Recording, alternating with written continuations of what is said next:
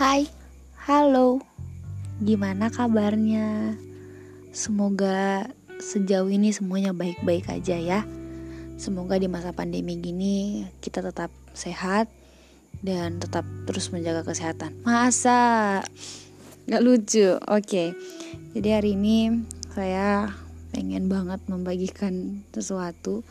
Tadi sempat buka-buka notes di HP gitu catatan, terus saya nemu cerita ini nih saya akhir-akhir ini tuh seneng banget sama orang-orang yang berhasil healing atau treat diri mereka sendirilah gitu. Gimana mereka ngebangun kepercayaan untuk diri mereka sendiri terus di orang mulai mengerti self love yang sebenarnya. Ngelihatnya tuh kayak wow bisa ya finally setelah jutaan proses akhirnya mereka keluar.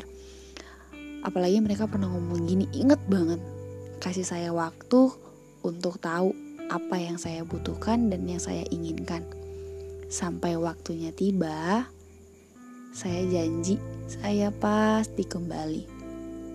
Dan ya, dia kembali dengan dia yang sungguh luar biasa.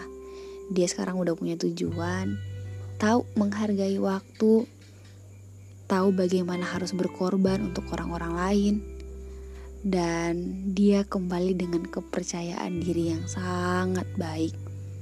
Saya sampai, wow, saya tidak berhenti kagum dengan orang seperti itu, karena mengingat bagaimana orang itu pernah hampir putus harapan karena kehilangan kepercayaan terhadap diri sendiri, hancur karena berpikir hidup ini tidak ada tujuannya, dan merasa tertolak oleh lingkungan. Dan satu hal yang pasti yang dia bilang ke saya, G, semua butuh waktu. Untuk tahu hasil dari sebuah proses nggak bisa instan, nggak bisa sama sekali.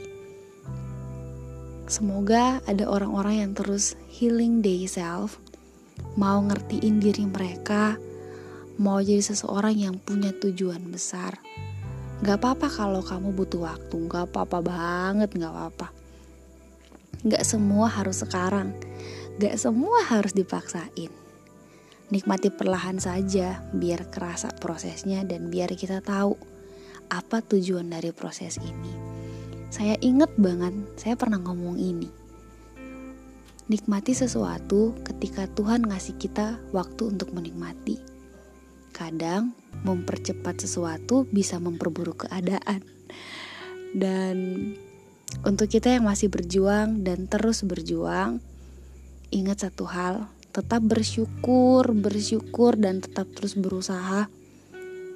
Entah hal itu besar ataupun kecil, kalian diproses karena Tuhan tahu kalian kuat. Oke, sekian dari saya untuk hari ini. Sampai jumpa. Makasih udah denger. God bless you.